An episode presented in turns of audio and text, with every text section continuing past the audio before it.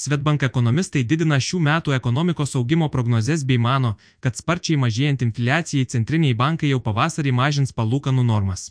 Pagrindinės rizikos išlieka susijusios su geopolitiniais procesais bei ekonominės politikos klaidomis. JOTAV ekonomika išvengė kieto nusileidimo, Kinija bando įveikti NT krizę. Nepaisant nerimo dėl didžiausios pasaulio ekonomikos, praėjusiais metais jį išvengė nuosmukio ir augo beveik 2,5 procento. Svetbank ekonomistai vis dar mano, kad šiemet jos augimas sulėties, bet kieto nusileidimo pavyks išvengti. Labai žemas nedarbo lygis, sparčiai mažėjanti infliacija ir didėjanti gyventojų perkamoji gale turėjo teigiamos įtakos gyventojų lūkesčiams. Tuo tarpu verslo nuotaikos išlieka santūresnės, pagrindiniu augimo šaltiniu artimiausių metų bus ne eksportas, o gyventojų vartojimas bei valstybės skatinamos investicijos. Teigia Svetbank. Vyriausiasis ekonomistas Nerijus Mačiulis. Kinijos ekonomikos augimas pernai šiek tiek viršijo 5 procentus, o Svetbank ekonomistų vertinimu šiemet turėtų sulėtėti iki 4,5 procentų. Kinijos ekonomika slopina besitęsianti nekilnojamojo turto krizė, tačiau matomos vis didesnės valdžios pastangos stabilizuoti šį sektorių. Kinijos valdžios sektorius padidino biudžeto deficitą, o centrinis bankas įvairiomis priemonėmis bando paskatinti kreditavimą. Praėjusiu metu pabaigoje po ilgokos pertraukos vėl buvo fiksuotas būsto paskolų portfelio augimas. Vis tik ekonomikos renesansas išlieka mažai tikėtinas, gyventojų lūkesčiai vis dar istorinėse žemumose, naujų statybų apimtys mažėja, demografinės tendencijos išlieka nepalankios, o ekonominė priešprieša su vakarų valstybėmis, tikėtina, didės.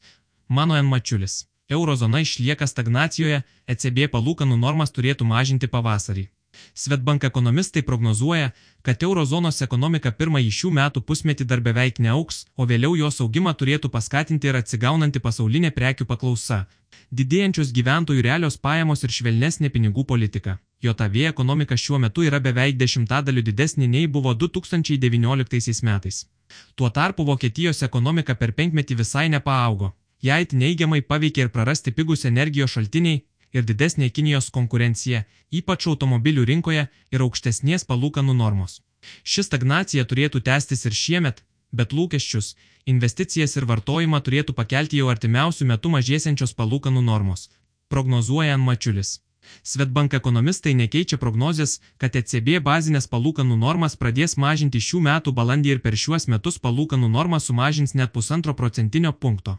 Šiuo metu ECB valdančiosios tarybos nariai teigia, kad palūkanų normas pradės mažinti ne anksčiau vasaros, tačiau ši nuomonė gali greitai pasikeisti toliau mažėjant infliacijai ir blėstant ekonomikos augimui.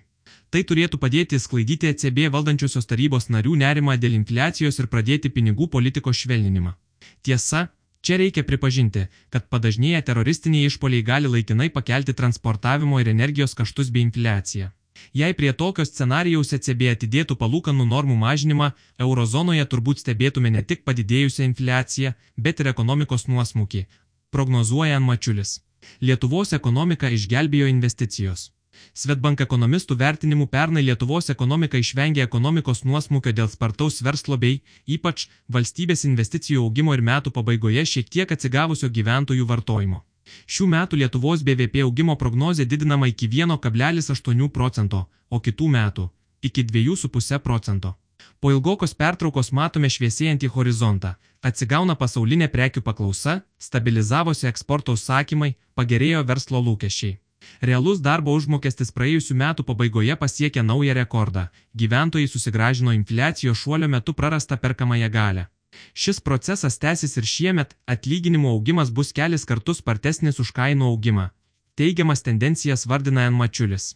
Šių metų infliacijos prognozė mažinama iki 1,5 procento, o vidutinio darbo užmokesčio augimas turėtų sulėtėti iki 8,5 procento.